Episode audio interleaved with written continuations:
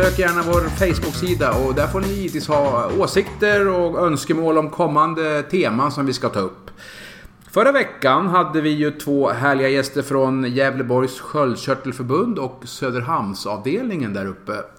Vi pratade ju om ett ganska så tungt ämne, sköldkörtelproblem.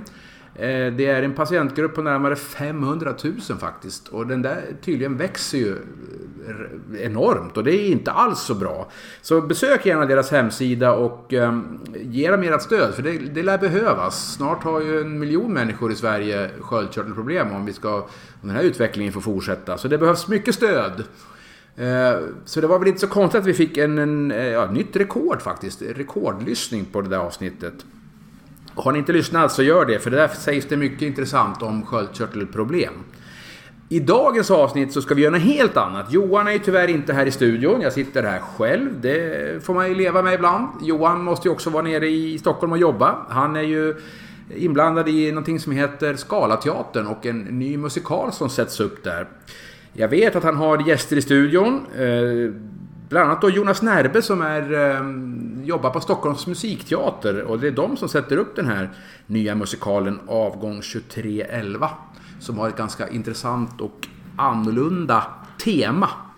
Eh, jag vet också idag att Johan, du har ehm, inte bara Jonas Närbe i studion utan du har även en eh, svensk poet och författare och musiker. Ingen mindre än Bob Hansson där. Det blir spännande att höra. Så jag tycker väl Johan att du kanske ska ta över, presentera dina gäster och ta oss in i den här nya musikalen och ja, lite andra spännande ämnen kanske då, som hör till. Så över till dig Johan, så hörs vi igen. Kör hårt! Hej då!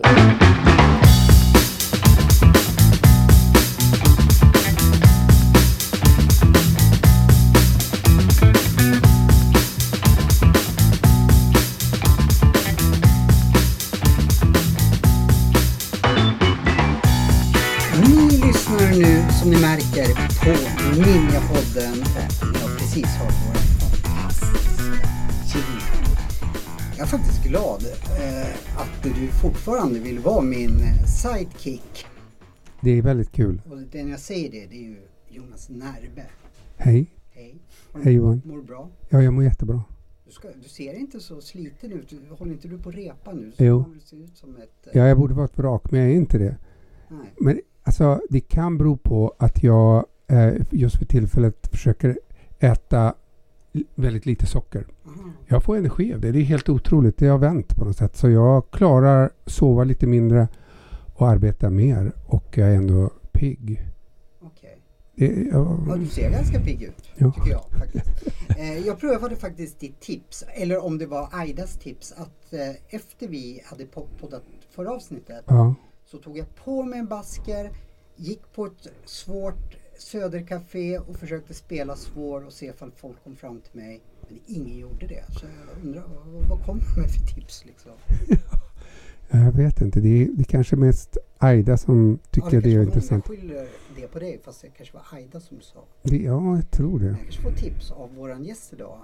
Jag tycker inte att han är svår men han är för mig en liten så basker söder... Personlighet. Ja. Vill du presentera honom? Ja, det vill jag väldigt gärna. Det är så trevligt att Bob Hansson är här hos oss. Vad kul. Hej! Hej! Hej. Måste bara säga att jag har haft basker. Har det? Men det var innan du föddes baby.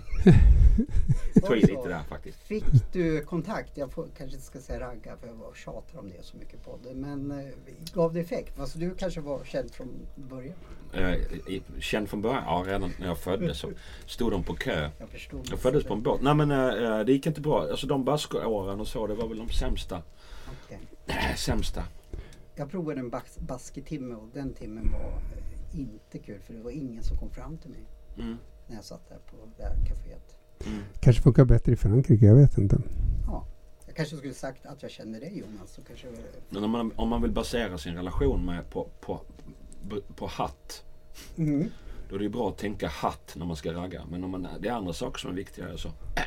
Eller jag menar din, din drömpartner kan... Ja, det är någon som gillar basker. Bara jag hittar en tjej som gillar basker. Då kommer det bli en bra relation. I så fall är det ju väldigt bra att ha basker. Annars vet det fan. Jag tänkte bara på så här, Ingmar Bergman och eftersom vi hade pratat om kultur så kände jag att basker... Ja, man ser spännande Ja, ut. man ser spännande ut. Jag försökte se svår Mm. ut. Men sen tänkte jag, tjockisar ser oftast inte svår ut. Så jag måste kanske gå ner 10 kilo för att se svår ut. Jag vet inte. Du vill ha en tjej som tänder på svåra killar? Nej men jag, jag, vi hade pratat om, om liksom hur jag skulle liksom bli lite mer som Jonas och Aida liksom och kunna prata om. För min en, en, enda skådespelarerfarenhet var att jag spelat myrslok i årskurs fyra och hade bara två repliker. Och då kände jag mig liksom inte hemma när de började komma och prata om manus och, Mm och liksom hur man attackerade manuset och sådana där saker. För, och då kände jag, jag vill också kunna liksom säga att jag har attackerat ett manus. Och jag ville gärna kunna Ja. berätta om, för ni pratar ju lite runt om era karaktärer, hur de var Mm. egentligen. Och då kände jag kanske också skulle vilja förklara hur den här myrsloken kände sig och så. Ja. Ah, ja, skit i det. Eh, kan du förklara lite mer varför, du, varför vi har Bob här? För han gästar oss i föreställningen. Ja, äh, det är så kul. Äh, vi har ju premiär äh, den 9 oktober på avgång 2311 på Scalateatern. Och föreställning nummer två är den 15 oktober.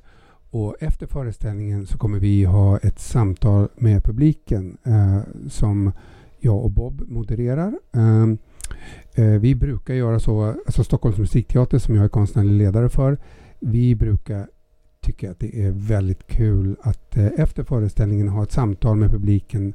Eh, alltså, jag känner att teater ska också vara kommunikation på, på i tvåvägskommunikation. Och eh, eh, det är väldigt spännande för mig och för, för oss som jobbar med olika produktioner att faktiskt få ha ett samtal eh, Eh, med det som har varit med oss under en hel kväll. Och då är det väldigt eh, spännande och kul att få ha med en personlighet som också är intresserad av eh, filosofiska frågor, eh, tankar, för dagen höll jag på att säga, men tankar överhuvudtaget eh, runt eh, vad vi är, vi människor och vad vi skulle kunna vara och vad, vi, vad, vad som händer. Ehm, det, så jag tror att det skulle kunna bli ett fantastiskt trevligt samtal med publiken den 15 oktober på Skala. Köp biljetter till den föreställningen av bara 17, tycker jag. Ja, vad tror du Bob? Har du tänkt något på det? Tänk på. Tänk på eh, eh, att vi eh, ska ses eh, och prata. Ehm, ja, jag har ju tänkt på det. Men det blir inte så. Eftersom inte jag har sett föreställningen. Har inte Exakt. läst manus. Exakt. Så, eh, så det som klingar mig är ju liksom då döden. Mm. det är det liksom. Det är det enda jag vet. Det är det enda du vet ju.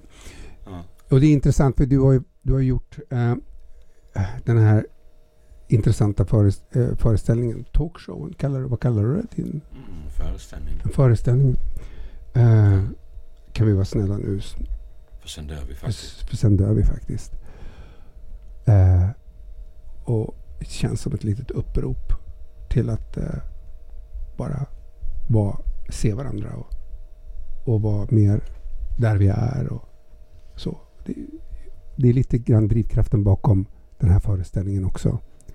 Att vi, att det, det är eh, nu vi lever.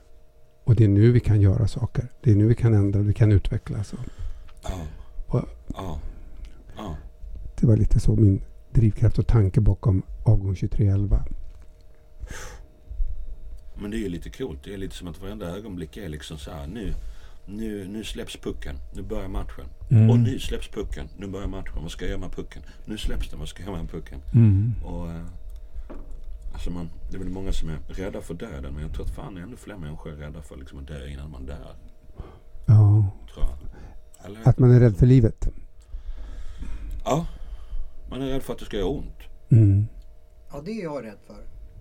Mm. Man, man, har väl, man skulle väl bara vilja somna in liksom i sömnen eller någonting sånt där. Men, Ja, men jag menar smärtan i livet. Jag menar som ja, den du okej, flydde när du drack exempelvis. Ja. Jag antar att du drack delvis i alla fall för att du inte ville att det skulle göra ont. Exakt. Jag använder ju det som, som ett bedövningsmedel. Mm. Eh, men även en, en, en eh, ett dopingpreparat. Jag ville också, när jag var glad så Mm. ville jag bli ännu gladare. Jag, jag kunde aldrig liksom eh, stanna i känslan utan det skulle alltid vara mer eller döva. Det är den största industrin i världen. Jag har googlat loss på det här. Ja. Det som omsätter mest pengar det är ju inte så här olja eller petroleum eller vapen eller något sånt. Utan det är liksom så här. Vi, vi vill inte må som vi mår. Alltså så här, alkohol, tobak och droger och, och psykofarmaka tillsammans är den absolut största in- industrin. Ja. Alltså inget omsätter så mycket pengar som att vi tydligen vill må på ett annat sätt. Vi är inte nöjda. Nej. Wow, det visste inte jag. Vi lägger ner mer pengar på denna varma, Mm. Ja, jag kan tänka alla hus och förflytta alla fordon och så vidare. Men det, det är så intressant för att jag gillar också droger egentligen. Men mina droger är musik. Mm. Alltså jag kan tycka att det går gott med ett glas vin också. Jag dricker gärna det eh, ibland. Eh, och, och så. Men min absolut bästa uppåttjack är musik för mig. Och eh, det är även ett sätt för mig att koppla av. Eh, det påverkar mig otroligt mycket när jag lyssnar på musik. Och det betyder faktiskt väldigt mycket i mitt liv. Och bieffekterna är mer att man eh, beter sig konstigt på dansgolvet eller så. Annars är det inte så farligt. Annars är det inte så farligt. Nej. ja, nej, de är inte, det är liksom, jag får inga konstiga ryckningar i, i ansiktet eller blir deprimerad av just den drogen. Polisen kan inte ta dig. De kan inte ta mig. Nej. Varför inte då Bob? Att det är lagligt att dansa. Ja, det är det. Om du inte gör det på gatan eller någonting så det blir fara för trafiken kanske. Nu är inte jag någon jurist men Ja, men de snackade väl om det för några, något år sedan att man inte fick dansa på vissa ställen. I vissa Ja, det behövs krogar. faktiskt danstillstånd. Det behövs danstillstånd. Det är så menar konstigt. att stället kan förlora sina alkoholrättigheter om Ja. du dansar på det utan danstillstånd. Ja, det är helt otroligt. Du kan ju därmed bli utkastad av dörrvakter. Det har man ju blivit. Eller i alla fall jag när jag har dansat lite för glatt. Mm. Har de förväxlat det med berusning och så får man inte vara med längre. Nej. brukar du dansa ofta, liksom spontandansa? Det tycker jag är en fin egenskap. Och just en sån grej som jag kanske skulle vilja ha gjort eh, och kunna dricka mig till det. Jag skulle aldrig tror jag våga dansa bara by the way. Men du, du känner att du behärskar den.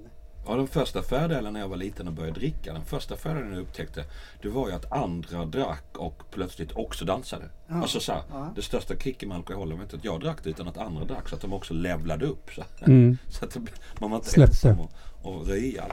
Mm. Det var ju då det. Vadå? Mm. Var kommer du ifrån? Du kommer ju inte från Helsingborg. Stockholm. Helsingborg. De håller på att åka ur allsvenskan. Är du ledsen för det? Mm, Nej. Nej. Jag är inte ledsen för någonting just nu faktiskt. Fan vad bra! Hur kan man, komma, hur kan man bli så? Ja, hur når man Den dit? egenskapen skulle jag vilja ha. Nu har jag ett väldigt bra liv. Men i morse var jag väldigt ledsen och trög och tom på energi och bara ja nu har det vänt. Nu har det vänt. Det har varit bra, nu har det vänt. Och jag satt och helt tom, fastnade i skärmen ni vet. och Rökte cigaretter, drack kaffe och bara ta en cig- jag ska ut i skogen och köra en sån här powerwalk promenad när jag kör liksom mentala övningar samtidigt. Och jag hade bara varit i skogen i så här sju minuter så upptäckte jag att det var hoppsan skutt och, och skrattade högt för mig själv. Mm. och då blev jag så jäkla tacksam Mm. över att jag i alla fall idag gjorde det jag behövde göra för att Mm. inte vara ledsen för så allvarliga saker som att Helsingborg eller våga ur Allsvenskan och så. Nej. Mm. Wow. Vad gör Det- du när du är ledsen? Nej, alltså det där med att gå ut i naturen eller ta ett bad. Jag älskar att bada. Eh, och eh, för mig är det så om jag känner mig påverkad av eh, min mentala status som, som man kan göra när man sitter och jobbar mycket. Det går, ibland går det bra, ibland går det mindre bra. Eller vad det nu än kan vara som gör att jag känner mig i mindre balans. Liksom. Mm. Så jag älskar att gå ner till vattnet och ta mig en liten simtur. Att dyka i och vara under vattnet lite grann och sen simma. Eh, Det, det förvandlar. Det neutraliserar. Jag blir balanserad av det. Jag tycker det är fantastiskt. Mm. Men även skog. Jag gillar att gå i naturen. Men jag plockar inte svamp och blåbär för grejen är att jag tycker de är för långt ner. Det är så långt att böja sig. Du, är du är ganska lång eller Jag är li- stel, eller? Jag är lite lång och jag är lite stel. Och du vill inte sänka dig till blåbärens nivå. Nivå. Du är rädd för jorden. Jag är rädd för blåbären. Nej. Nej, men det är, det, är, det är mer en bekvämlighet. Jag tycker det är långt ner och de är svåra att, att plocka för dem. Jag undrar vad Freud skulle säga om det hörde. ja, det undrar jag Jag vet att du är också. en expert på Freud. Han har ju satt upp en föreställning. Ja just det. Så vad skulle Freud säga då? Jag vet inte. Att jag, att jag har en blåbärsfobi, eller jag vet inte. Alltså inte för att bli fri- privat men tycker du då också det är omständigt att undvika att gå ner på eh, eh, sexuella, alltså att gå ner på? Nej, Nej det funkar. nej, det är jag lite av en specialist på. Det är du? Är du det? Mm. Ah, Men fötterna Jag tycker de om- lägger du ner. Det är för långt bort. Men Ja. halv, halvvägs ner. Halvvägs ner klarar jag bra. Så du skulle kunna plocka så här bär på buskar liksom? Ja, och, och ibland växer blåbär på sten. Det är min räddning. Ja. Då kan jag ta några stycken. ja. Konsumdisken där är också lagom höjd. Ja, jag har ett bra svampställe i på Ica Ja. faktiskt. Ja. Där, Jag plockar inte heller bär, jag plockar hellre upp mig själv. ja, i skogen. Mm. är du... När jag hör, vad heter det, Bob Hansson. Då, då får jag alltid för mig, eller för, jag tänker att man säger poeten Bob Hansson. Stämmer det? Är du poet? Ibland. Ibland? Men det är det så det börjar. Det så det börjar. Okej. Så det börjar. Många säger till mig att poesi är Lisa för själen. Så om man är typ ledsen så kan man läsa en dikt. Mhm. Det, stämmer det tycker du som är poet? Eh, ja, så kan det ju vara. Om man, om man går igång på dikt och har hittat sin, sin dikt. Alltså sina... Av alla, av alla dikter jag läser så är det ju liksom kanske ett par procent som, som, som träffar mig. Resten Ja. är ju, resten är ju menlöst skal. Precis som med musik. Mm. Liksom. Vad Ja. tycker du man ska leta för att hitta? Det låter ju väldigt bra att ha en dikt för det är någonting som man kan bära med sig liksom att eh, ja, jag kan ju inte så mycket om den världen. Mm. Och, så, och jag har ju inte letat heller. Vad tycker du man ska leta? Oj, det, det beror på hur man är lagd. Liksom. Jag är ganska så fysisk och ointellektuell egentligen. Liksom. Och väldigt mycket poesi. Så här, nej, det är folk, folk tror ju saker. Men, och det här tror jag, det är vad jag tror mig själv. Vi kan båda ha fel. Men, men en poet jag gillar Bruno K.I. Mycket poesi för mig blir Ja. teoretisk och intellektuell och akademisk. Jag måste säga det, jag har bara sett Bruno K. en gång. Ja. Jag skulle gå och titta på Kent och då har de tagit in Mm. honom och han pratade där i en kvart och jag fattade ingenting. Och jag fick nästan lite ont i huvudet. Mm. Mm. Och det, och det, men det är din favorit, eller det är någon som du verkligen uppskattar? Ja men verkligen. Men jag, det hajar så när man ska se Kent, man är inställd på någonting helt annat. I ett helt annat rum och, och, och jag tror inte att det är... det- Alltså det är man, man, man tar inte upp en diktsamling på ett dansgolv. Eller, eller tror jag. Kan det Det- vara det lite där. så här med, Det- det med, då. med dikter och poesi, precis som med träning att gör man fel från början så, så liksom man behöver någon som lär en bänkpress eller så. Gör man fel bänkpress så kan det bli väldigt smärtsamt. Liksom att eh, man skulle kunna lära sig lite mer. Nu, jag ställer också frågan till dig för kan, du ser också ut som att du gillar Poesi. Men Nej men alltså jag tycker, jag tycker det kan vara kul att lyssna på honom. Jag, jag kan inte honom väldigt bra men det jag har hört tycker jag är... är det är härligt att lyssna på honom. men, jag Jag- tänkte det- Men rent generellt skulle jag säga så här, det är väldigt intressant med poesi för i min om, eh, omgivning så bland mina vänner och så det är ingen som någon gång läser poesi för mig eller pratar om poesi. Eller jag känner nästan ingen som befattar sig med poesi som man befattar sig med musik. Men ofta är ju musik poesi i eh, eh, komponerad poesi. Men, eh, och det, det, det är många som får det på den vägen. Men men talad poesi, läst poesi eh, blir helt plötsligt viktigt för nästan alla när det händer någonting viktigt i livet. När man ska gifta sig. Helt plötsligt ska någon stå och läsa poesi. Ja visst är det märkligt va? Ja, och när någon dör, då ska det läsas poesi. Eller eh, vad det nu är, när det är riktigt viktiga eh, händelser i ens liv, då vill man helt plötsligt ha poesi. Och då betyder den här poesin oftast enormt mycket. Eh, och jag, jag var på en slags minnesceremoni eh, av en vän i, i en kyrka för inte så länge sedan och då var det en person som sjöng Jag älskar dig av Lisa Nilsson. Den är ju, det är en fantastisk tonsättning.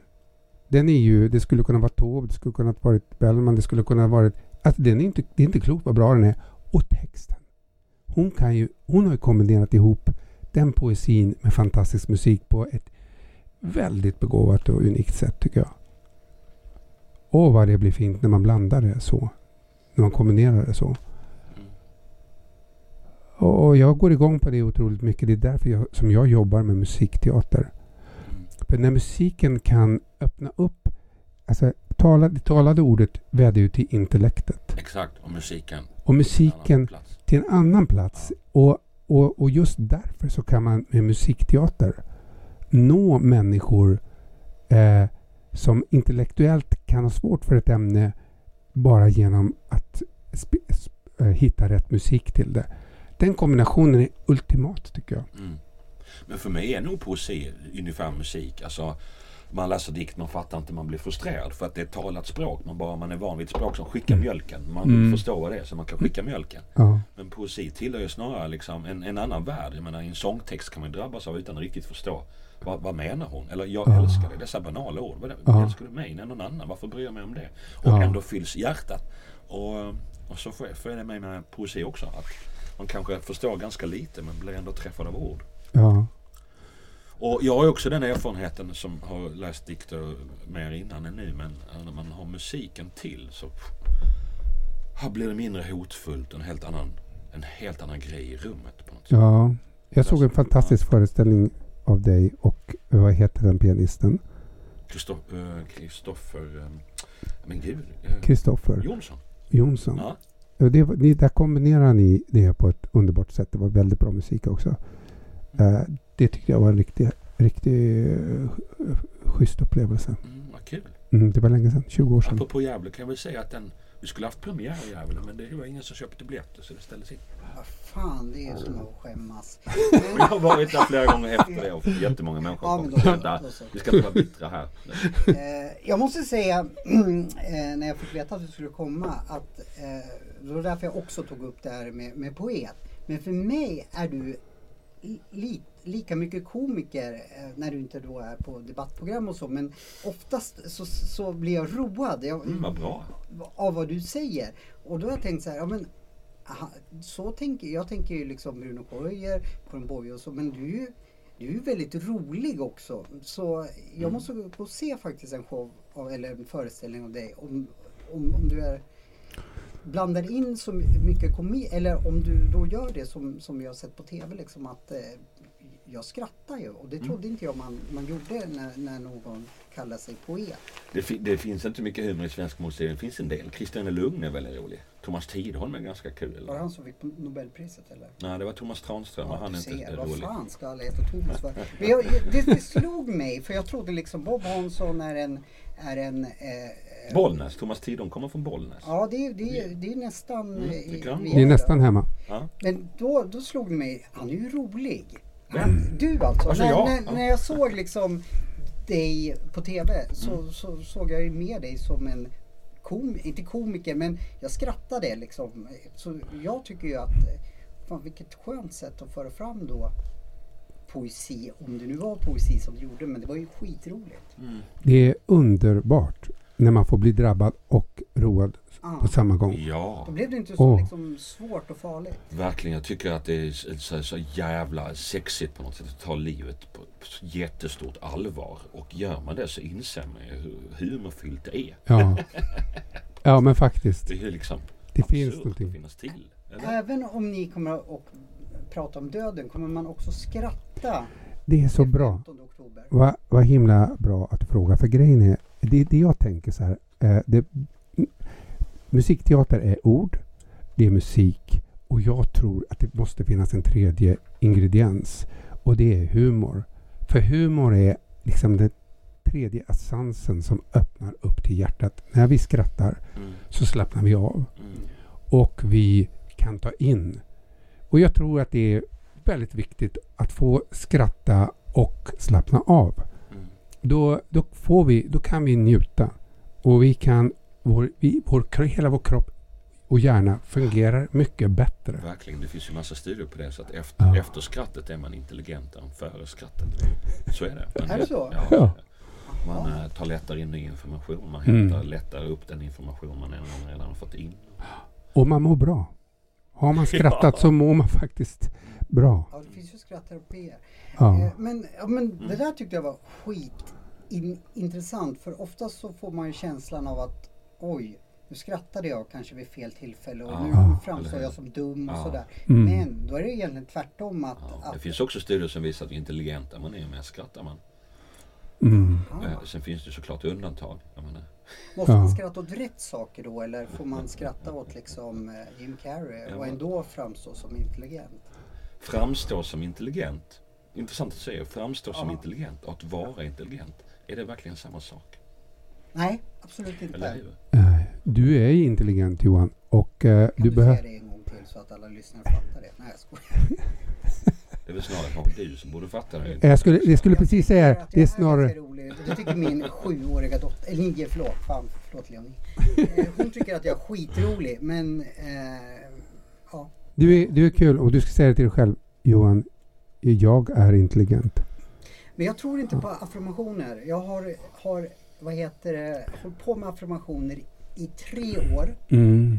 Tror du på affirmationer? Eh, om, de är, om, de, om man upplever dem själv som Ja. sanna. Exakt! Mm. Du, fasen. Det här säger min Micke Sävlund som jag jobbar med kvantfysik. Ja. Precis samma sak som dig. För jag har sagt nämligen så här. Ja, om jag nu ska göra någonting och jag har stått i en vecka, jag är starkast i världen och jag ser mig själv liksom gedhänget hänger. Mm. Jag tror inte på den affirmationen och det spelar ingen roll hur mycket jag står framför min kära badrumsspegel och affirmerar. För jag tror inte på det. Mm. Eh, medan jag läst liksom att affirmationer tar det över alla nivåer. Jag blir inte Oscarsnominerad för mina filmer även fast jag säger att jag blir det liksom i ett års tid. Mm. Håll, men nu blev jag glad att, att du bekräftar min teori som jag kommer fram till. Vad tror du själv? Du ser lite frågande ut. Ja, nej, men jag affirmerar. Eh, jag tror att det, det handlar jättemycket om vad man affirmerar. Eh, jag tänker mig så här varje gång jag ska starta upp en produktion. Eh, eh, så, så ser jag framför mig att jag står på, eh, på trappen där jag brukar vara. Någonstans på ett ställe. Eh, i, det har varit Boulevardteatern, det har varit andra teatrar, Folkoperan och lite andra ställen. Och tackar, eh, håller tal efter premiären till de jag har arbetat med. Och jag tackar alla för att de har gjort ett fantastiskt jobb. Just därför att de har gjort det. Och jag känner mig väldigt glad och väldigt eh, eh, tacksam för vårt arbete tillsammans. Det är, det är en stark liksom, känslomässig bild som inte håller fast någonting om hur det måste vara exakt och vad, vad resultatet exakt är. Men bara att känslan är stark av att jag är glad och tacksam. Och det hjälper. Ja, men alltså det, det tycker jag. Jag tycker det får mig att arbeta med ett bra målbild och jag, blir, jag, blir, jag, jag får energi av den bilden. Ja. Vet, du, vet du min badrumsspegel hur många gånger den har hört mitt tacktal på Oscarsgalan? Jag tackar Al Pacino för att han vill vara med i min film. Där jag tackar Robert De Niro för att han... Varför Eh, gör du det? Nej men det är en affirmation för jag vill ju stå där liksom och ta emot eh, Oscaren för min Okej. senaste film. Men, men Ja. det, har inte hjälpt mig ett skit. Jag har hållit på med det i fem år. Ja, men du måste Men göra har du filmen. fortsatt med det i fem år om det inte har hjälpt något? Nej men ibland så behövs mi, mitt ego bekräftas lite. Så att Mm. då kan jag få spela lite teater där och Ja. liksom... Ja, det är Ja, kul. nej, men, Då är det en lek. Ledsen Leonardo. Ah, Jag jobbar med dig nästa gång. Och så, och, eh, ja, så. Men då har jag ett annat tips, någonting Ja. som jag gör. Jag kör också tacktal helst varje dag eh, i mitt huvud till mig själv. Men då tackar jag för det som faktiskt redan finns att tacka för. Ja, men Istället för att tacka för någonting som inte finns i mitt liv. Som kanske aldrig, så här Oscarsstatyetter. Det blir ju tack för Oscarsstatyetten och sen bara, fast jag har ingen förstås. Så tackar jag liksom för tack för att jag har ett barn som är fantastiskt. Tack för att jag har vänner, Ja. tack för att jag går här i skogen. Tack Mm. för att, ah, och så vidare liksom. Och det funkar verkligen på mig. Oh. är vi för lite tacksamma för det vi har? Men det är väl inte en affirmation egentligen på det sättet, men just en inställning till, alltså om man säger så här, vill jag må bra, vill jag vara lycklig? Alltså, det, och lycka är ju en, det, det skulle man verkligen kunna prata om separat i och för sig, men, men vill jag vara öppen för det som är nu, Ja. då är tacksamhet en fantastisk grej att känna och tänka på. Alltså att se det man kan vara tacksam för. för det, är, det, är, det är det bästa sättet att vara i nu, tror jag. I alla fall ett väldigt bra Ah. sätt. Ja, väldigt bra sagt. Jag håller med om det. Men det, det krävdes en hård eh, superiod på fem år för att jag skulle fatta, eller fatta att jag kunde eh, tacka att jag fick ligga i min säng, att jag inte behövde ligga på någon avgiftning och sådana Mm. där saker. Men det tog jäkligt lång tid för mig att kunna tacka för väldigt vanliga saker. Liksom att, ja. Eh, Du har gjort en fantastisk resa Johan. Skulle... sa jag inte för att du skulle säga det. Men, Nej men jag vet det, men jag, jag, jag beundrar dig. För jag tycker att du har gjort det och jag tycker att det finns väldigt, väldigt många människor som har varit i liknande situation som du. Som inte kommer fram till den grejen. Alltså det är, det är stort att du har gjort det och det är stort att du gör det du gör. Jag, jag, jag, tyck, jag beundrar det. Tack. Men jag kan ju tycka lite ibland att varför är jag så trögfattad så måste jag haft det där för att, att jag ska fatta liksom att eh, jag har faktiskt en lägenhet. Jag har eh, varma täcken liksom att ligga, med, ligga liksom i. Jag kan ju tycka att, att jag, jag fick ju sh- liksom en hård läxa för att kunna förstå det där. Liksom. Men du har ju nått fram dit. Är det så att du kan uppriktigt känna tacksamhet? Ja, Ja, Hur många tror du gör det? Nej, jag Ja. vet. Du, du, Ja. Det verkar som att du bannar dig själv för att du kom på det för sent. Men jag skulle vilja säga att de flesta dör innan att verkligen ha, ha kommit på det. Det var Ja, det jag kanske försökte säga för- också. för- Det var för då, då, precis. Då måste man kanske ha känt, känt liksom att, att det är inte en självklarhet att ha liksom eh, en säng att sova i och sådär. Så, eh, ja, i och för sig, man, man lär ju sig hela livet liksom. Men ja, ja, jo. Ja. Nu, Mm. nu vet jag inte vad jag skulle säga för det. Men eh, En gång tog jag LSD. Då var jag extremt fascinerad av min säng. Det var det.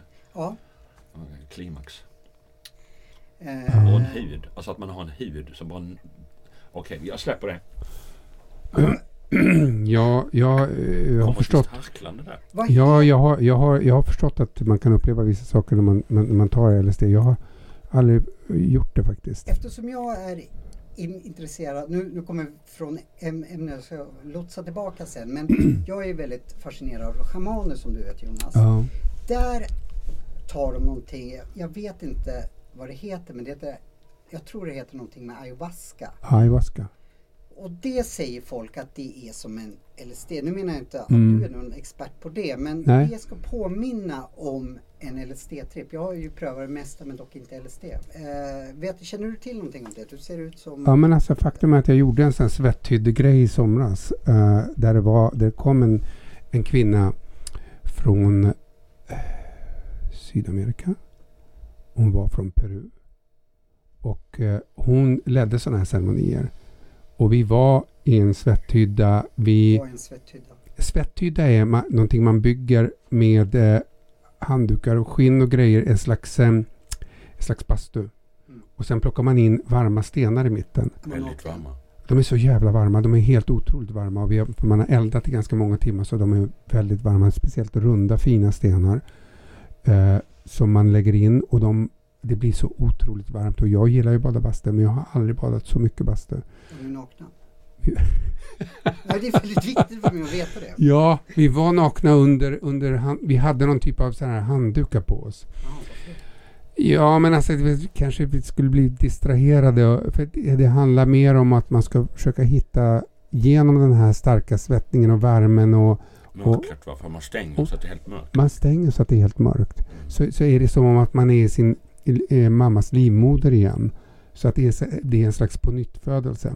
Jag har aldrig gjort något liknande eh, förut, men jag tyckte eh, att det var intressant. Och då, då tar man en slags, de kallar det för medicin. Mm. Och Den heter inte ayahuasca, den heter någonting annat. Men det kommer från eh, Sydamerika också och det är lagligt, det är helt okej liksom. Men det, är det påverkar en på något vis, eh, får en upp till en annan slags eh, Eh, medvetenhet. Så. Jag märkte ingen skillnad skulle jag säga.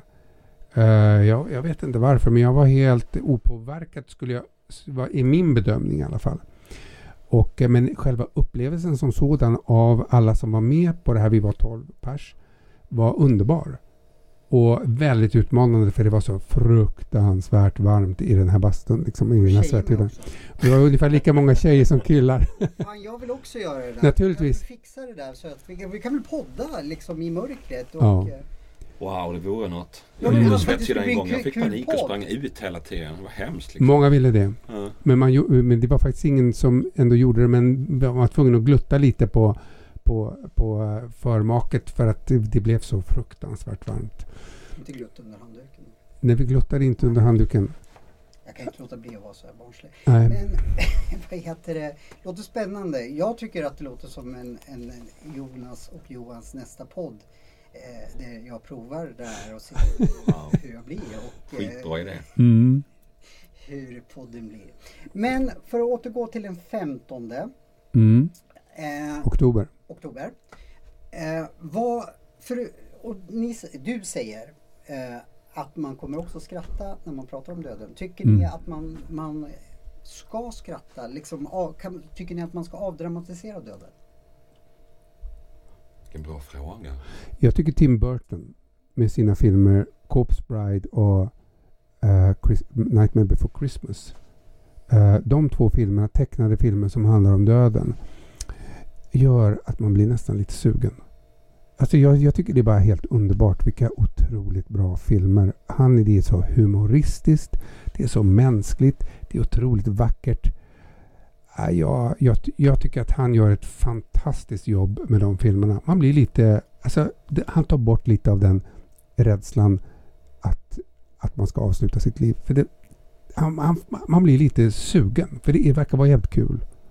På andra sidan. Mm. Tim Burton, Mm, han är ett geni tycker jag. tycker jag. Vilka bra filmer. Mm. Och snyggt. mm, Alltså framförallt Bride, vilken snygg. eh, eh, De, de har gjort det så otroligt snyggt. Och väldigt bra musik. Ja, ja, men jag hatten av. Jag skulle vilja leva i en Tim Burton-väg. Jag tycker, jag tycker det är så jäkla snyggt. Eh, men jag har en fråga till Bob där. Eh, för jag blev nyfiken. Du verkar ha svar på det mesta. Vad Det kallas hybris. Det, det var jag som sa att du hade svar, det var inte du som sa det. Så du har ingen hybris. Eh, för jag är nämligen inte rädd för döden själv, men jag är livrädd för att någon i min närhet ska dö. Mm. Det är jag. Vad... Det, ditt Bob Hanssons svar på, på hur ska man tackla det skitjobbet att gå omkring och vara rädd att ens barn ska dö och när det är väl alla, men när man liksom, oj, eh, ja, eh, hon ska på simträning, tänk om hon drunknar. Det är kanske katas- katastroftankar. Vad, vad tycker du man ska liksom förhålla sig?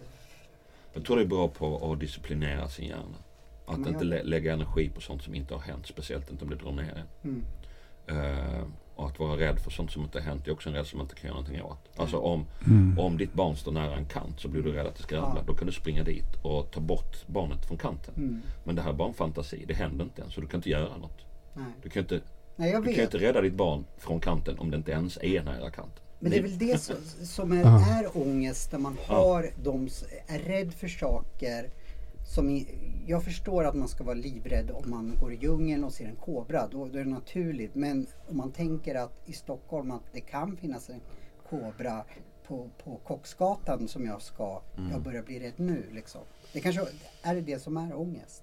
Ja, du, du blir väl ångest, frustration över det. För, Ja, för jag har liksom inte inte fattat kan det här. Liksom, var går gränsen för en naturlig rädsla som man bör ha? mm, Och när man börjar oroa Mm. sig för att ja, men, gå, idag får jag sparken fast det inte finns någon anledning. Liksom. Eller någonting sånt där. Idag gör min tjej slut. Eller, Men är man förälder så tror jag, jag tror alla vet vad du pratar om. mm. mm. Jag tror, och, och, och är det just, jag skulle verkligen vilja eh, understryka det Bob sa, just det där med att man tar kommando över sina tankar. För att man kan lätt tro att man är sina tankar. Men det lever, tankarna lever sitt eget liv. Och det, det, kan, det kan bli så att de styr en på ett sätt som blir väldigt jobbigt för en. Och jag tror att om man kan distansera sig till sina tankar och förstå att det matar på på ett sätt som man, man, kan, du kan aldrig, man kan ju aldrig liksom så här styra att tankarna inte ska komma. Man kan bara förhålla sig till de tankar som kommer. Och eventuellt så kanske de ändrar sig lite om man inte ger dem mat. Alltså om man inte ger dem uppmärksamhet menar jag. Eh, och, och, och då, då kan flödet ändra sig. Men, men om man tar det på stort allvar då är det jättekul för vad det nu är som matar på de här tankarna att göra det. För på något vis vill de sök, söker det effekt. Liksom. Men ger man dem inte eh, den energin utan låter dem av, avpolitera dem för, för, på ett sätt som man bör göra tror jag i det här fallet.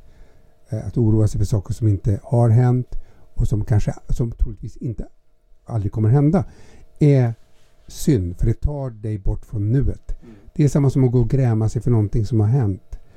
Uh, kan man istället lära sig någonting av det och hantera det uh, liknande situationer sen på ett annat sätt så är det så mycket mer värt. Vi människor har en tendens att vara i, i, i framtiden och i det förflutna. Och det är, det, är liksom, det är den fällan som vi uh, lätt hamnar i och det, vi kämpar alla med det. Liksom. Men rädsla är ju ett sånt eh, väldigt intressant fenomen för det används väldigt mycket i vårt samhälle. Mm. Politiker använder rädslan. Löpsedlarna. Löpsedel, tidningarna säljer på rädsla. Eh, företag säljer produkter mm. på rädsla att inte tillhöra en grupp eller inte, ja, vad det nu kan vara. Att, att inte vara tillräcklig att duga. Att Men inte, om du köper det här. Mm. Och det är en stor business. Liksom. Om vi kan genomskåda det, om vi kan se liksom att ja, men jag kanske inte behöver känna de här känslorna. då kan vi fritt välja utifrån en annan eh, motivation än rädsla. Om det är rädsla som styr vår motivation så gör vi kanske inte lika bra val som om det är mer lust eller medkänsla eller något annat lite skönare. Mm. Vad tänker du Bob? Mm. Rädsla är ju så jävla dumt på något sätt. Mm. Och det jag är rädd för när det väl händer så är det ju de är fullt upptagna att förhålla sig till det som händer. Så att, men jag kommer ihåg en gång apropå formationer, apropå att, att vara rädd för tjejer och slit. Jag satt och, och så var jag så jävla rädd att min tjej skulle vara otrogen. Tjejer är otrogen, fan måste hon inte vara otrogen, hon får inte vara otrogen. Så här, jävlar, tänk om hon är otrogen och så vidare och så vidare. Det var ju en dålig dag. Och sen kom jag på, vänta när jag vänder på det, bara jag vill att hon ska vara trogen. Och så började jag fokusera min energi, jag vill att hon ska vara trogen. Åh gud vad jag vill att hon ska vara trogen.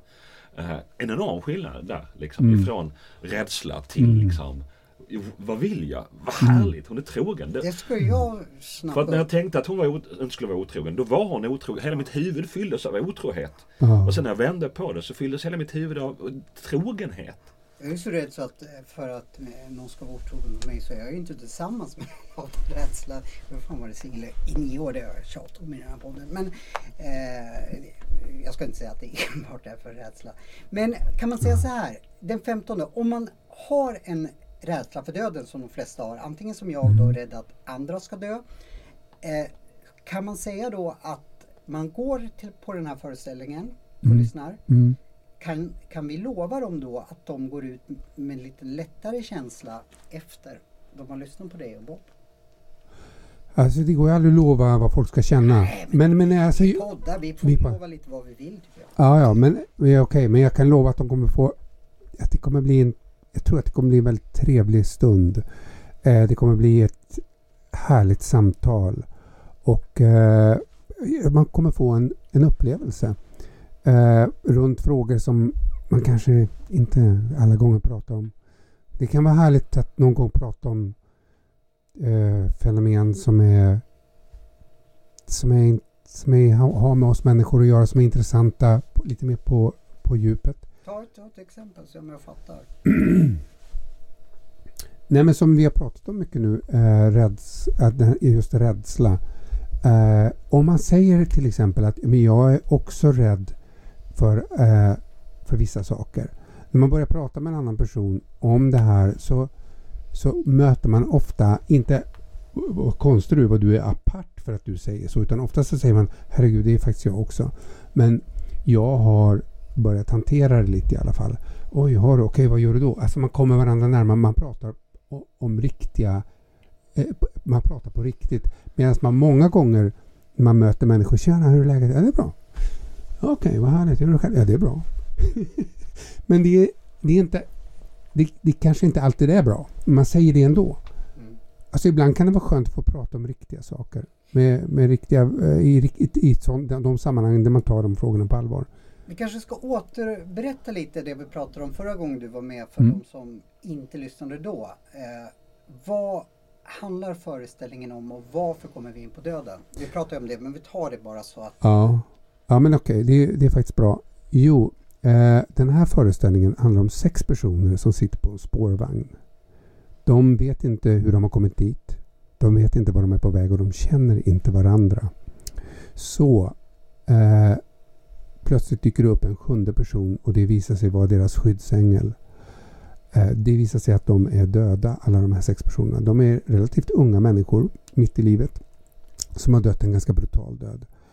Och eh, skyddsängeln hjälper dem att förstå dels att de faktiskt är döda och, och eh, att de ska finna sig i det och att, och att också föreställningen har en vändpunkt där, där det visar sig att en av dem faktiskt har mer en nära döden upplevelse, det vill säga en ska tillbaka till livet.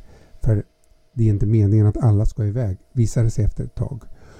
Och då, då kommer man till, en, till ett, en punkt där faktiskt publiken får vara med och välja vem de tycker ska få återvända till livet. lite som Big Brother. Då. Lite. ja, det, eh, på ett sätt är det det. Fast nu här väljer man, här kickar man inte ut någon utan den personen som man väljer den får komma tillbaka till livet. Så man visar, man, man känner någonting för en viss person och då tycker man kanske, av vilken, av vilken anledning man nu väljer den personen det vet ju inte jag men, men det, är, det är en intressant eh, frågeställning liksom och, och föreställningen handlar ju egentligen inte om döden för om döden vet vi ju ingenting men den handlar väldigt mycket om livet och, och vad vi skulle kunna göra med våra liv. Och för mig när jag såg den som pjäs i Krakow för två och ett halvt år sedan så var det en kick. Jag, jag och min tjej Åse, vi var jättelyckliga Mm. när vi hade sett den. Och jag kände direkt att det här kommer kunna bli fantastisk musikteater. Lägger man bara till musiken. För humorn och texten fanns där. Så lägger man bara till bra musik så kommer det här bära långt. Det kommer bli en underbar upplevelse. Och nu gör vi det. Nu blir det verklighet. Från tanke till verklighet. Det är jättekul.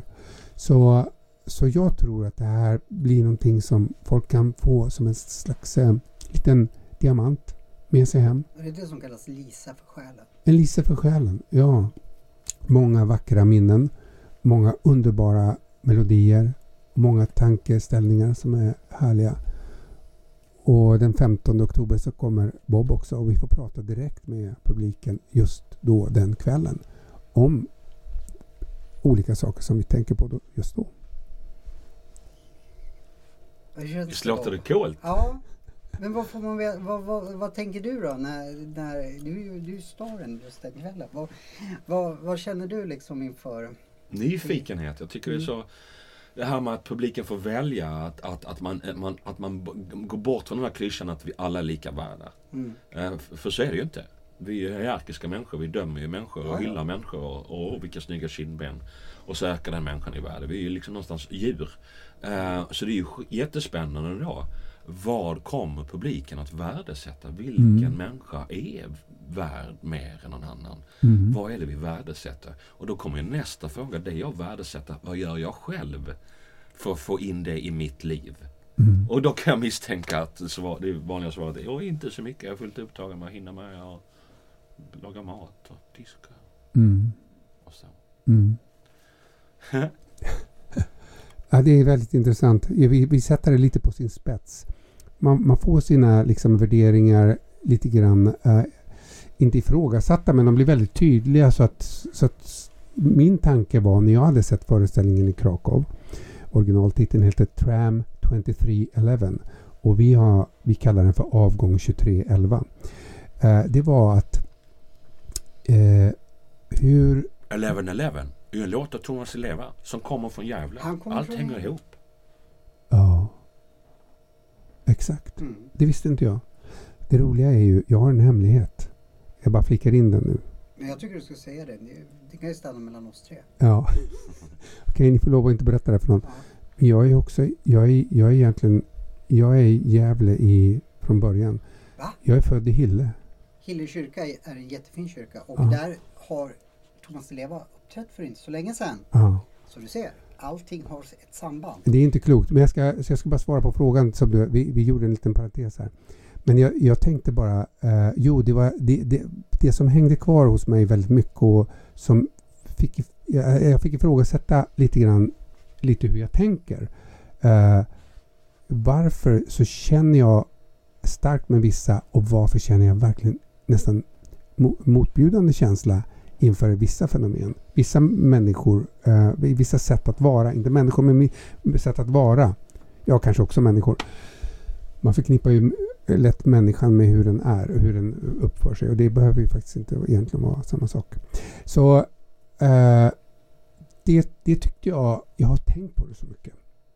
Och det på något vis så, så tror jag att det skapar att man tänker på någonting och man blir medveten om någonting. Det, det är bra att bli medveten om hur man själv funkar. Det kan vara en hjälp. Man, om man går den 15 oktober då, kommer man bli lite mer medveten om sig själv då? Kanske.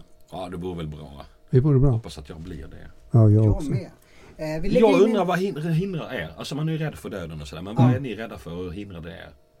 Kring döden eller? Nej, rädslorna liksom. Men jag är rädd för allt. Tror jag. Jag är rädd för, för liksom hur min ekonomi ska se ut om en månad till...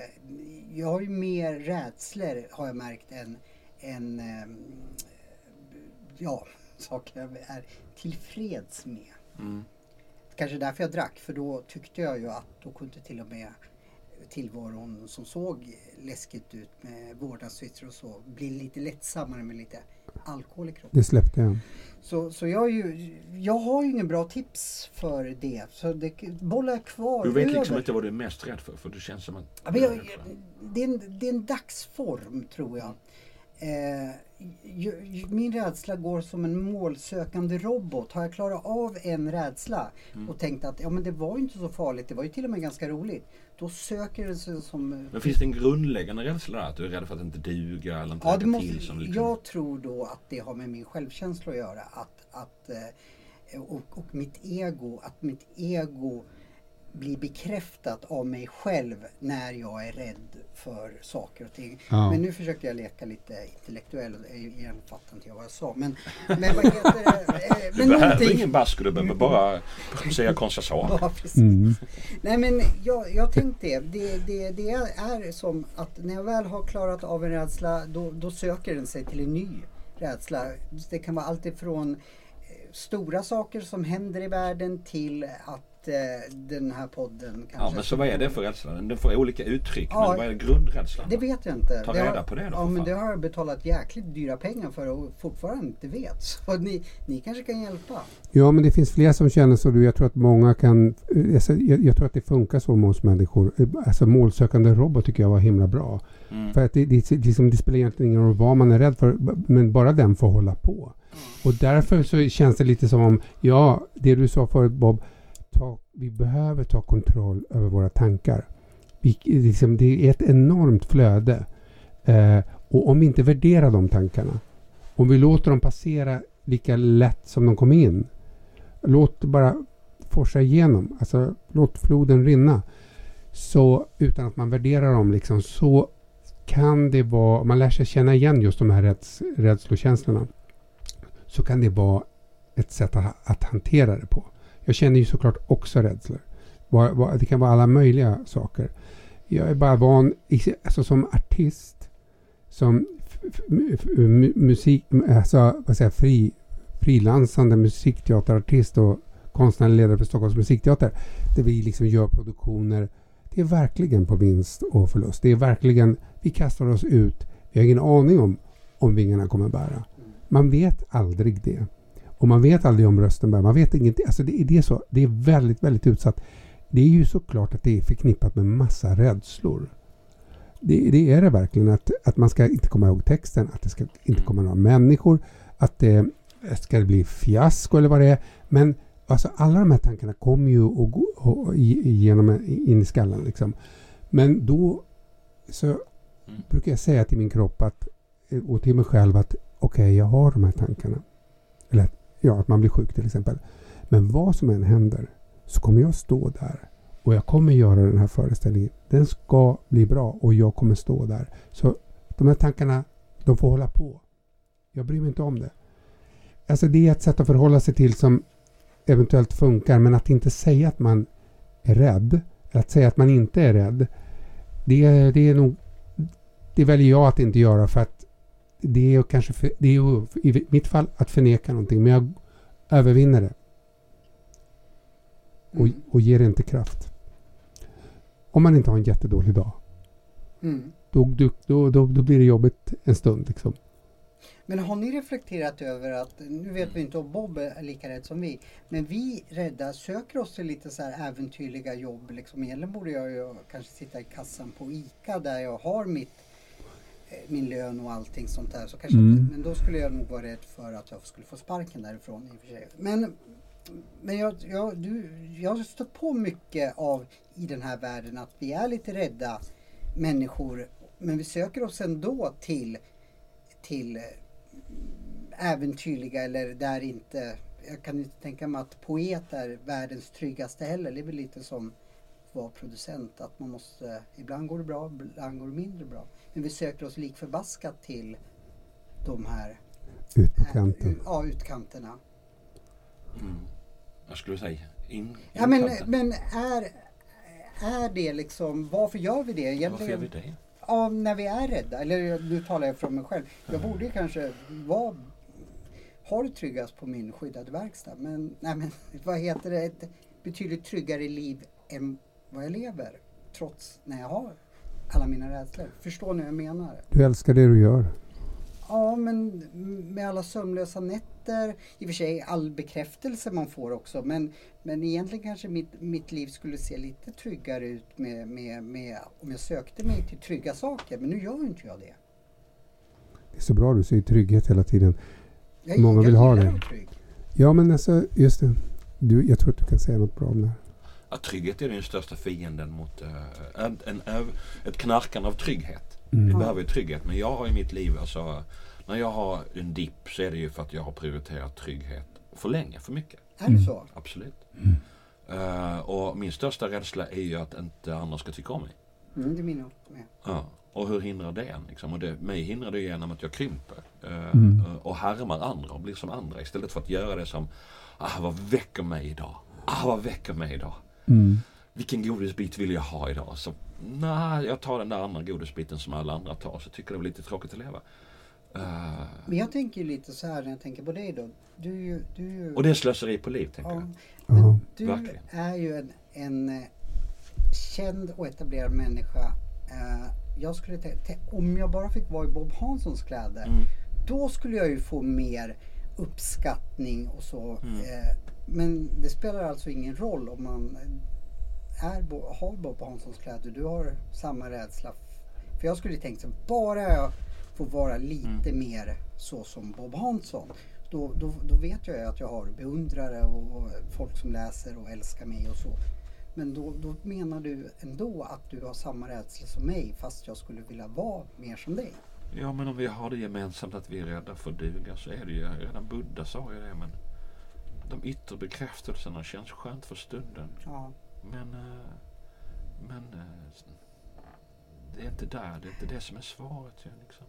Nej, Mm. nej det, det är nog inte så. Så verkar det ju vara. Liksom. Mm. Vi lever i en kultur som låtsas att det är svaret. Om du blir framgångsrik så blir du lycklig och trygg. Och så. Jag kommer ihåg när jag släppte min andra eller tredje diktsamling där jag blottade min, min, mina svagheter så skrev en recensent ah, han bara ljuger och ställer sig in. Han har ju släppt två diktsamlingar och fått bra recensioner. Så här, Klart att inte han är rädd. Och ibland så beklagar man ju de här restriktiva vapenlagarna i det här landet, eller hur? Mm. Ibland vill man ju bara skjuta ihjäl någon på grund av idioti.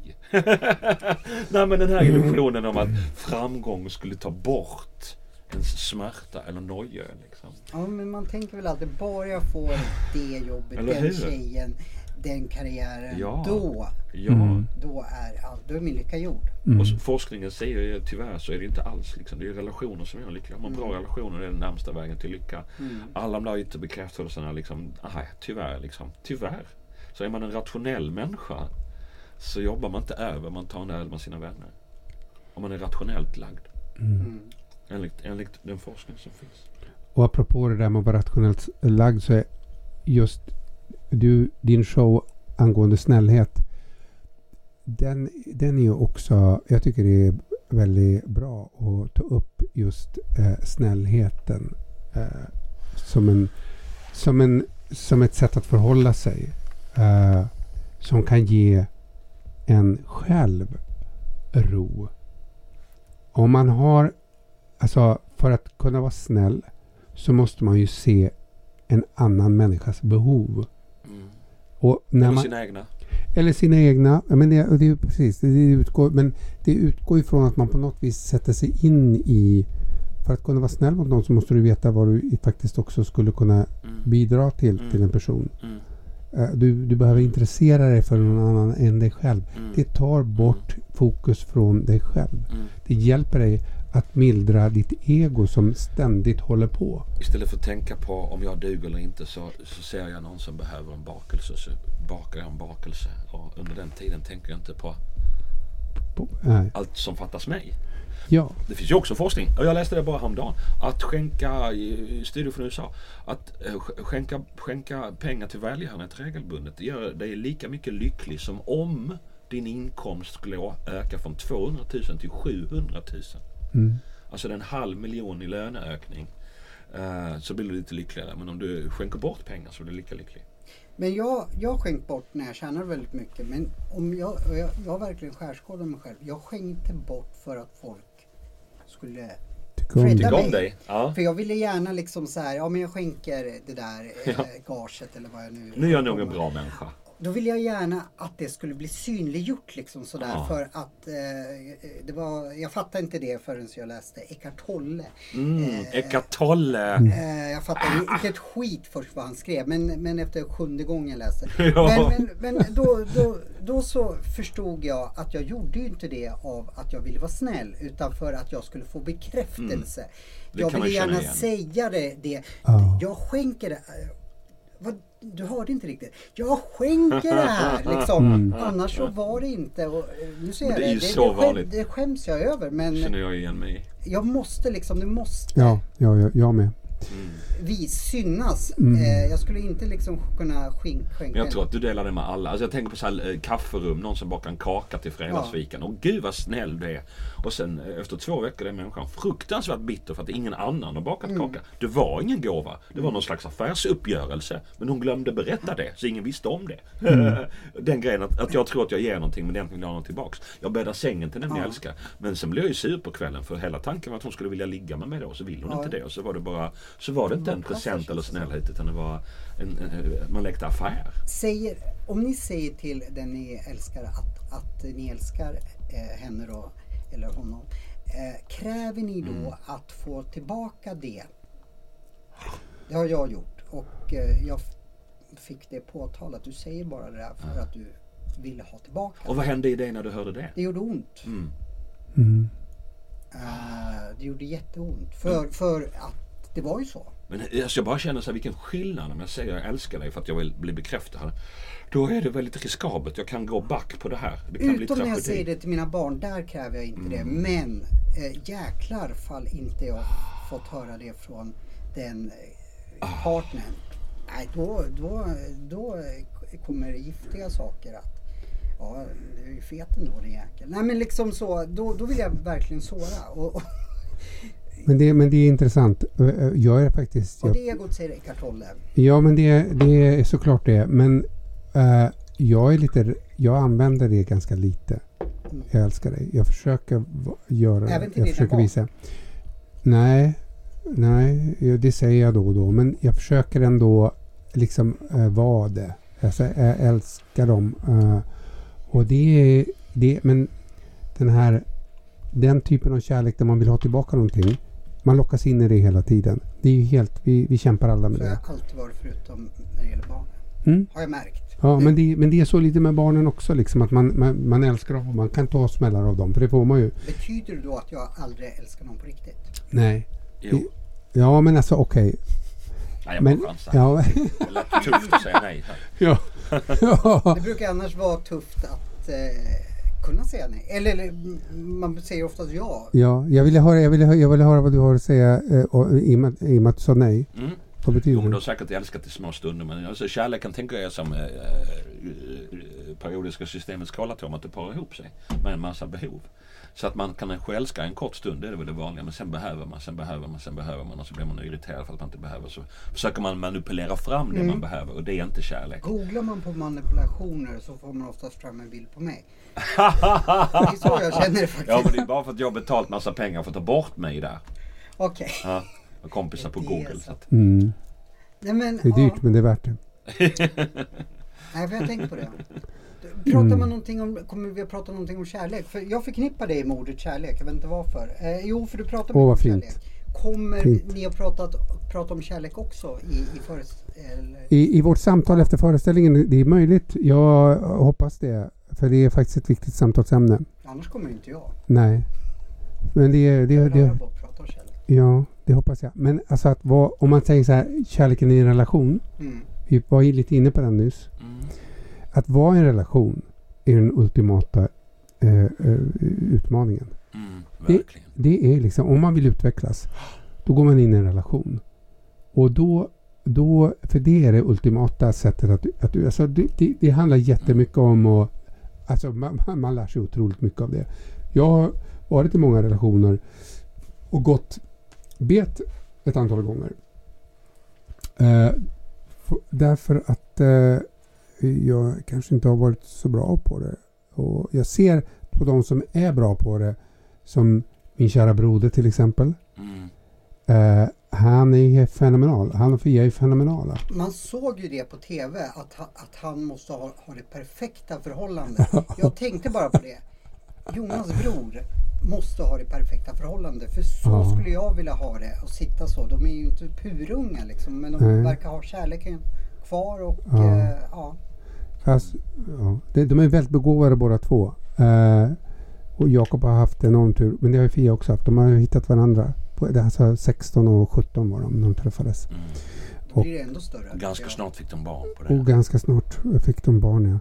Och, eh, bo, eh, och i den speciella situationen som de var med, ar- med, sång, alltså, med att vara rockartist och, och Fia jobbade med det hon gjorde och utbildade sig till. Ska vi säga vem din bror är? För nu nu pratar vi gåtor Ja. för de som inte Men jag kan vet. säga det för att jag gjorde en bok som heter Kärlek, hur fan gör man det? Jag undrade, de som verkar ha fått ihop det, hur gör de? Mm. Och det var en bok som väldigt många tyckte om. Och, och favoriten där, det var två favoriter. Det var ju en massa kloka människor. Det var ju för detta ärkebiskopen KG Hammar. Och sen märkligt nog så var det, inte, så var det ju den här s- sångaren Matuperatari Pudels. Som folk tyckte var klokast. Ja. Och det är ju han vi pratar om, Ja. din bror. Var kan man läsa den boken? Den vill jag läsa. Mm, Den är slut så länge. Ljudbok, den finns som ljudbok. På Storytel eller Ja. något sådär. Då ska Ja. jag fixa det. Ja, fortsätt. Det var jätteintressant. Men jag har några andra kompisar också som är sådär riktigt eh, liksom trevliga att vara med. Jag, jag, för mig betecknas ett bra eh, äktenskap när det är kul som tredje part och vara Mm. med. Man umgås, man tar, en middag tillsammans.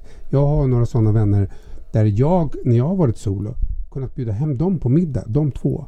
Och vi har jättetrevligt. Ja. Coolt. Rätt sällsynt va? Det är, väl- det, det är nog sällsynt och ja, det är därför att de har ett bra förhållande. Ja. De, de lyssnar på varandra, de stöttar varandra, de är liksom gulliga med varandra fast de har varit tillsammans i 20 år och har tre barn.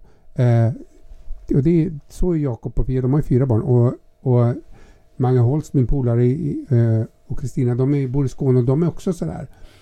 Det är fantastiskt för man mår bra. Och det tycker jag eh, som tredje part. Och då, då tycker jag att det är ett bra tecken på att det finns ett bra förhållande. Och jag tror att det har att göra med till dels, jag kan ju inte säga att jag är specialist på det, men det jag märker det, det är att man har trevligt därför att de är fina med varandra. De lyssnar på varandra. De behöver inte ha samma åsikt, Mm. men de, de resonerar och pratar och, med varandra. Bob, utan att spoila nu, för jag ska läsa den här boken. Vad kom du fram till när du skrev boken? Det där vart jag väldigt nyfiken på. Ja, det, folk säger ju helt emot varandra. Det gillar jag med den boken. Okej. Så, att, så att man kan inte bara kopiera ett koncept. Vad vad- vad var var nyfikenheten när du bestämde dig för att göra den här boken? Men jag känner mig så misslyckad så att Ja. vad fan alla som... Istället för att tänka på vad jag gör för fel så bara de som gör rätt då, vad fan gör de? Hur gör de? Alltså i praktiken. Och jag är glad för nu kan ju jag knappt stava mitt eget namn. Men om jag skulle kunna gjort det skulle jag vilja själv skriva den boken. Så, så då har ju du Mm. Gör gjort det. den. Nej men kan- nu, nu finns ju den så nu ska jag läsa den. Jag kommer ihåg Jakob sa en sak jag kommer ihåg att, att, att apropå sex då att de, de hade den här grejen, sa han då, jag har inte konfirmerat det med Fia men eh, eh, om någon av dem vill ligga så säger all, den andra aldrig nej utan den säger snarare ge mig en kvart. Du får ge mig en kvart. Det är jättebra. Det, det, kan, det här måste vi prata lite om för det här är jag väldigt nyfiken på. Men jag måste bara säga, eh, det sa ju de också så hela tv-publiken fick eh, Mm.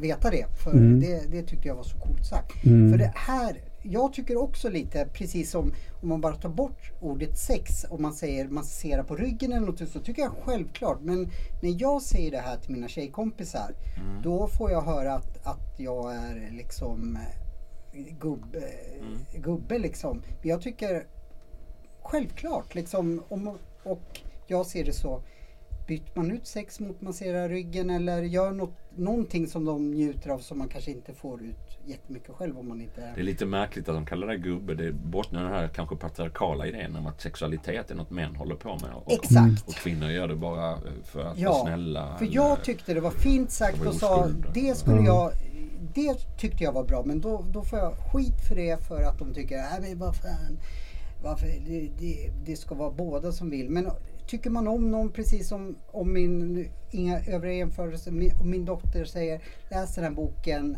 igen. Du har läst den 25 gånger. Då gör jag det fast jag liksom Mm. går sönder inom mig. Jag läser hellre Mein Kampf än att läsa vad heter det, om Totte en jäkla gång till. Eh, För jag lyssna, alltså han menar Min kamp av eh, Knausgård. Exakt. Egentligen. Ja. Exakt. Ja. Den, den läser jag ofta. Men jag, jag läser Josef Campbell, en eh, klok gubbe som är död. Som, som bara för några dagar sedan fattade shit. Han sa så att äktenskapet, då offrar man. Man offrar jaget på altaret. Det är det det kostar. Och så tänkte jag, fan det har jag aldrig gjort. Och den här just frågan, man säger vill du ligga? Ja, eh, ge mig en kvart. Att, att man inte utgår från jag vill, jag vill, jag vill inte ligga, jag vill ligga, jag vill inte ligga. Utan bara vad vill vi? Vad, vad är det bästa för oss? Vill jag ha en sexuell relation eller inte i längden? Vad gör man bäst av i längden? Och inte, att de inte utgår från sitt jag. Är jag kåt? Är jag inte kåt? Nej, jag är inte kåt. Då ska jag inte göra det för att det är ett övergrepp. Eller nej, jag ska verkligen inte göra det. Eller inte är rättvist. Utan bara, vad är bäst för oss? Mm. Vad är bäst för oss liksom? Mm. Eh, de, det- det tyder på att, jag vet inte om har läst Campbell, men den här att offra jaget Mm. för ett vi. Jag har aldrig gjort det. Har du gjort det? Eh, jag vet inte. Jag kanske inte har det. Jag, ja, men jag kan nog ha... Kom, jag, det, det, det handlar lite om att kompromissa kanske. Att man kompromissar i ett förhållande. Att man kanske inte alltid måste driva sin linje hela tiden. Eh, det är en träningssak. Jag jobbar på det. Och eh, Jag vet inte vad, vad jaget är, att jag offrar mitt jag. Men jag vet att jag kan... Jag vet inte vad jag är på det sättet. Men däremot så eh, vet jag vad jag vill. Och alla gånger passar inte det. Alla gånger vill inte eh, min tjej det jag vill. Och då, då får jag hantera det. Utan att, eh, alltså, det handlar ju också om att kunna leva sig in i en annan situation. Det kan ju vara många orsaker till att man inte hänger på ett tåg. Just bara för att den andra kommer på det. Mm. Ja, jag talar inte bara om sex nu, men det, Mm. det är en av dem. Så det, kan vara, det kan vara olika saker man behöver kompromissa med. Ska man kompromissa? Ja, det tycker jag. Jag tycker det är inget fel i det. Det är ju att ge upp sig, sig själv lite grann. Eh, och det, det, det, men det måste vara ett givande och tagande såklart. Det blir, det blir inget bra när det är obalans. Ett, jag, tror, jag tror att ett förhållande, om man ska ut på ytterkanterna i ett förhållande, att man, är, att man nu är olika, så, eh, så bör man vara medveten om det. För, för att det är det, man, det är det man gör. Måste du... Ja.